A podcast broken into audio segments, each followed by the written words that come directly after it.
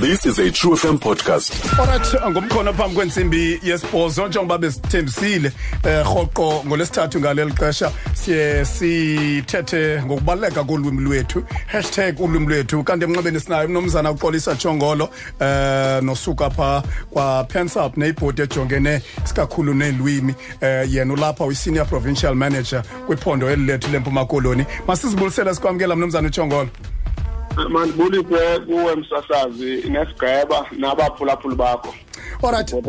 Alright, mntakachongolo uh ngohamba kwamaxesha uyuqaphela into yoba kukho utshintshwa uh kukho indlela uh amagama awayebizwa ngawo ngawo kudala uh sogqiba lihambe lihambe ekuhambeni kwexesha agqibe loo magama etshintshwa indlela nentsingiselo ne-understanding yawo. Okokuqala yintoni ebangela le nto ngokubona kwenu nina ningupensal eh msasazi into esinoyibalula okokuqala kukuba kusendalweni.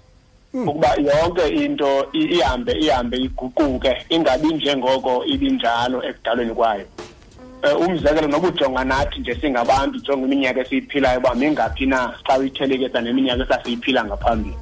Zininzi ke msasazi kodwa xa siza kulwimi izinto ezifuthela ulwimi zizinto ezifana nenkcubeko. Njengoba inkcubeko ihambe ihambe eh iguquke ngokuhamba kwamaxesha nangenxa yesimo esimiyo eh nenkolo. Nenkolelo ezo zinto ezo ziyayifuthela i- inkcubeko okanye ziyalifuthela ulwimi kakhulu. Kwakunye ke nezinye iilwimi ke ezingqonge olo lwimi. Umzekelo uba sithetha ngesixhosa sawuthetha ngeelwimi ezifana nesizulu nesiswati nesindebele sithi ezo lwimi ezo ziba nefuthe kulwimi kwe- lwethu kwakunye nesingesi esi ke nesibhulu kuba ziilwimi esiziva yonke le mihla.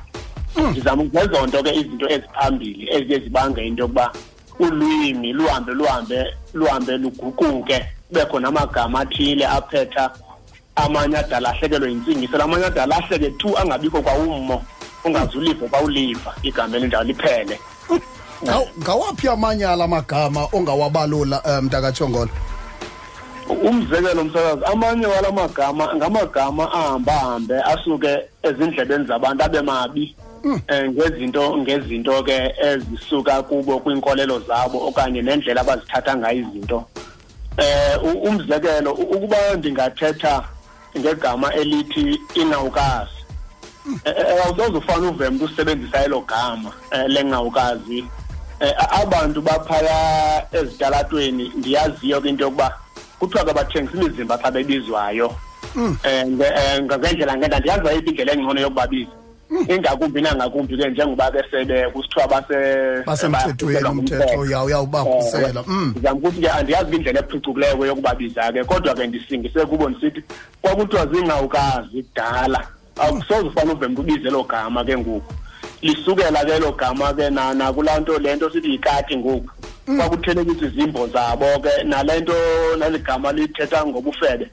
Kwakuthelekiswa zonke ke ezo nto eh, zi- zibize zidityaniswa apho kwigama elithi elo gama lisekho soze ufane ulive igama elithela ngengawukazi eh la la laduka. Uyabona laduka. A- a- a- amanye wamagama benikeza imizekelo ngawo asekhona kodwa kafunwa nawo azawuhambahambe aduka angabikho. Igama ebenike nenza umzekelo ngalo lithika ngenkazana yena sika ngedikazi Eh, i- idikazi ligama elishunqulelweyo elisukela kwigama elithi idikwamzi. Into echaza uba umendi odikwe kukwenda.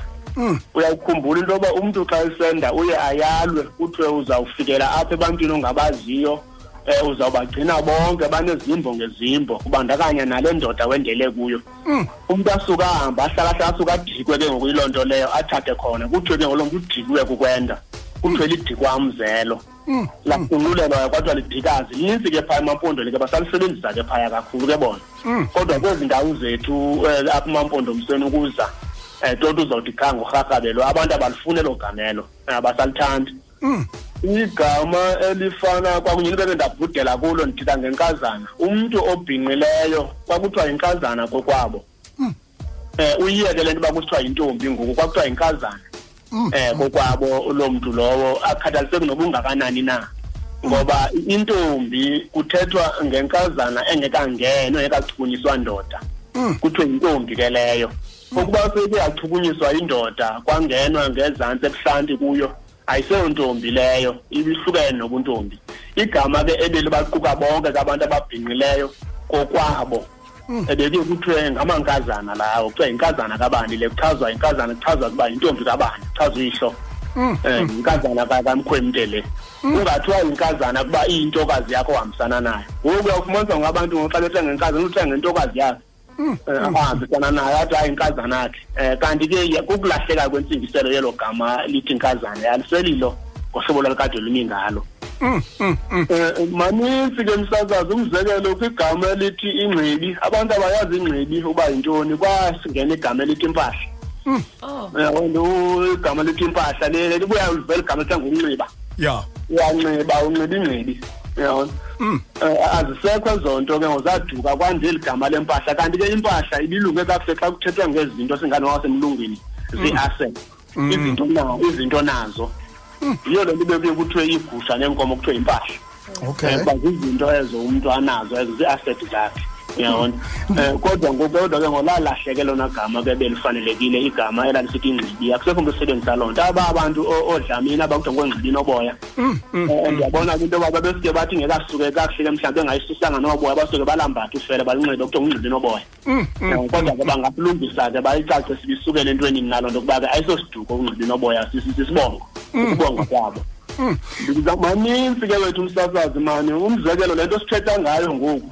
Um sithi yi-cellphone okanye nonomathotholo le kuthiwa ngunomathotholo okanye kuthiwa yi-f m um kanti kwakuthiwa lifufunyana kuqala kuthiwe sawuthetha ngefufunyana into echaza uba into ethethayo kodwa engaziwayo uba iyintoni na ekungabonwa buntu kuyo kodwa iyathetha. Mm, kanti kule mihla xa xa xa kuthiwa uthetha ngefufunyana ingathi uthetha ngentwembi. Uyayibona? Uyayibona loo nto? ndakatshongolo ndikuve apha uthetha ngeligama lithi uyihlo. Eh ku- ku- ku- ku- kubanye abantu balifumanisa lumeza eh, eligama lithi unyoko. Em eh, i- i- ingaba i- naleyo mhlawumbi zezinye zezinto kubekho neligama lithi ukufa. Eh ngokokuqonda kwami uyanilungisa ukufa eh sisixhosa kodwa kuthiwa ukwazi ukuthi umuntu ufile yithi uswelekile okanye ubhubhile eh u- u- luthini luvo lwakho kulo mcimbi. Uyabona msasazi ukuba bendipha emampondomiseni bendakuthi baphambene abantu. Um uphambana ke kuthetha uba bathi kubhekwa ngabo babesiya ngapha uyabona ngokuba ezi zinto ba- ba- bazithathe ngohlobo bazithatha ngalo. Kuba a- andiyazi into yokuba asuke nje mabi yintoni la magama. Umzekelo igama elithi unyoko uyihlo. Um kuba ngawona amagama a- asesixhoseni. Uyabona nathetha le nto iyazekayo sithi xa ubheke emva. Kodwa ngoku isibe ngathi ayathuka nanoba yinto enonyo okanye unya phaa kunantsika unyoko mhlawumbi andiyazi nokuba yintoni na iyathini le nto kodwa ke akuthiwa mabi ngabantu. Siyawasebenzisa ke thina ke kuba kasiyaboni bubi phaa kubo phaa kuwo. Neli gama yabona ke apha ekufeni abantu bayathanda ukuyihlonipha into xa ibaxakile eh bayihloniphe ude ingabizwa nangegama layo kuba ibaxakile uba bangaze bayithini na eh nangaphezu kokuyoyika kodwa kube ibaxakile ngoku uba- uba ukufoku akukho mntu ukwaziyo ukukunqanda. Eh akwaye futhi kuyenzeka kuyaqhuba kude kungenzeki. Ngoku abantu bade bakubize ngezinto ngezinto ke xa ndizicingela kuyam engqondini oba kukoyika mhlawumbi nokuxakwa. Um baphethe abantu bekuhlonipha bekubiza ngezinto kodwa okona kona gama lithethe kweyiyo msasazi kukufa. Noba ungathi nomuntu ubhubhile noba ungathi okanye simswele ukuthi oko uswelekile um ngamagama nje lawo ke ateketisa elia kodwa lona lona gama lisentloko um nelingunozala wamanye la kukufa uba umntu kuthiwe ufile. Um akube file umntu ke ngakaphinde kube khonto iphelile into engaye. Kwegadi lomhlaba. Ku- ku- kulo mcimbi wophela kwezinto eyintsingiselo phambi koba sikukhulule mntakatshongolo um uyawufika apha kwiziduko xa sifundisa abantwana ukuzithutha. Um kangangoba i- i- ngenye imini nda- nda- ndakhubeka kakhulu. Um ndawuva into yoba ngeli xesha kufundisa umntwana um ukuzithutha. Le ndawo ithi uvela bambhentsele um uye bamfundisa into bangayibizi ingaba mhlawumbi i- inobungozi kangakanani loo nto kwiziduko zethu xa sizithuka eh, eh, sorry xa sizithutha um kuthiwa hayi indawo ethile sanomfundisa usesemncinci mak- mak- makangayibizi uyabona ke esiduko aba ompinda aba baye bandihlekise nyana abantu bala besasiduko ingakumbi ke nabantu kabaphulaphuleyo ngoba ngoba kaloku zininzi into eh, mandithi yabona mandithi kuqala apha ezidukweni msazana nalapha apha ekuzithutheni ekuzibongeni kuhamba kuhambe apha emaxhoseni ngayidla ngotsho u- u- u- ugqirha lwazi ijadezweni athi i- i- uba isiduko okanye isithutho okanye isibongo um asinayo indawo ehambe hambe iphakame sisintshiya um okanye eh, ayikabisiso funeka sibe nayo indawo ezihamba zithi bhutyu Ya. um apha kuso apha ndabo andiyazi uba babaleka ntoni abantu kule ndawo kuthiwa uvela bambhentsele yabona uba yintoni le bayibalekayo phaya? Um uba indalo uba loku ubhentsa kukubhentsa uyaqonda akukho nto into lokhu siyakusebenzisa naxa uthetha ngento esekuhleni uyaqonda eh, uba ibhentsile xa inje akusekho nto ifihlakeleyo noba ibiyinto yofihlwana kodwa isekuhleni ngoku ibhentsile ngoku. Uyaqonda abantu aba ndingazi uba yintoni abayihloniphayo. Kabantu nokuzibiza abantu bangonto omntwana uyaqonda uvela uqakwe Ba- ba- ba- bantu bangonto omntwana abangonto omntwana uba boyika ukuzibiza ndababizela mna mntu ndingaboyikiyo ngoba ngoba enza sibongo sihamba sinento yathi esiyithethayo kubantu baso laa nto kabuthungu um bathunye umntwana ingabi nobo iqhona into ayiqhanti ngilinde abadala. Uyabona? Uyabona? Ah, ngoku xa uzawuthi into umntwana ngoku sozayazi ke umntwana uba yintoni loo nto umntwana. Mm, yintoni kanye kanye le kuthethwa ngayo? ayisentsingiselo laa nto ilahlekile intsingiselo allright bawutsho ngolo bangabanga bayisithi umhlobo wam xa kuvela bambhenzela athi uvela bammele kakubi.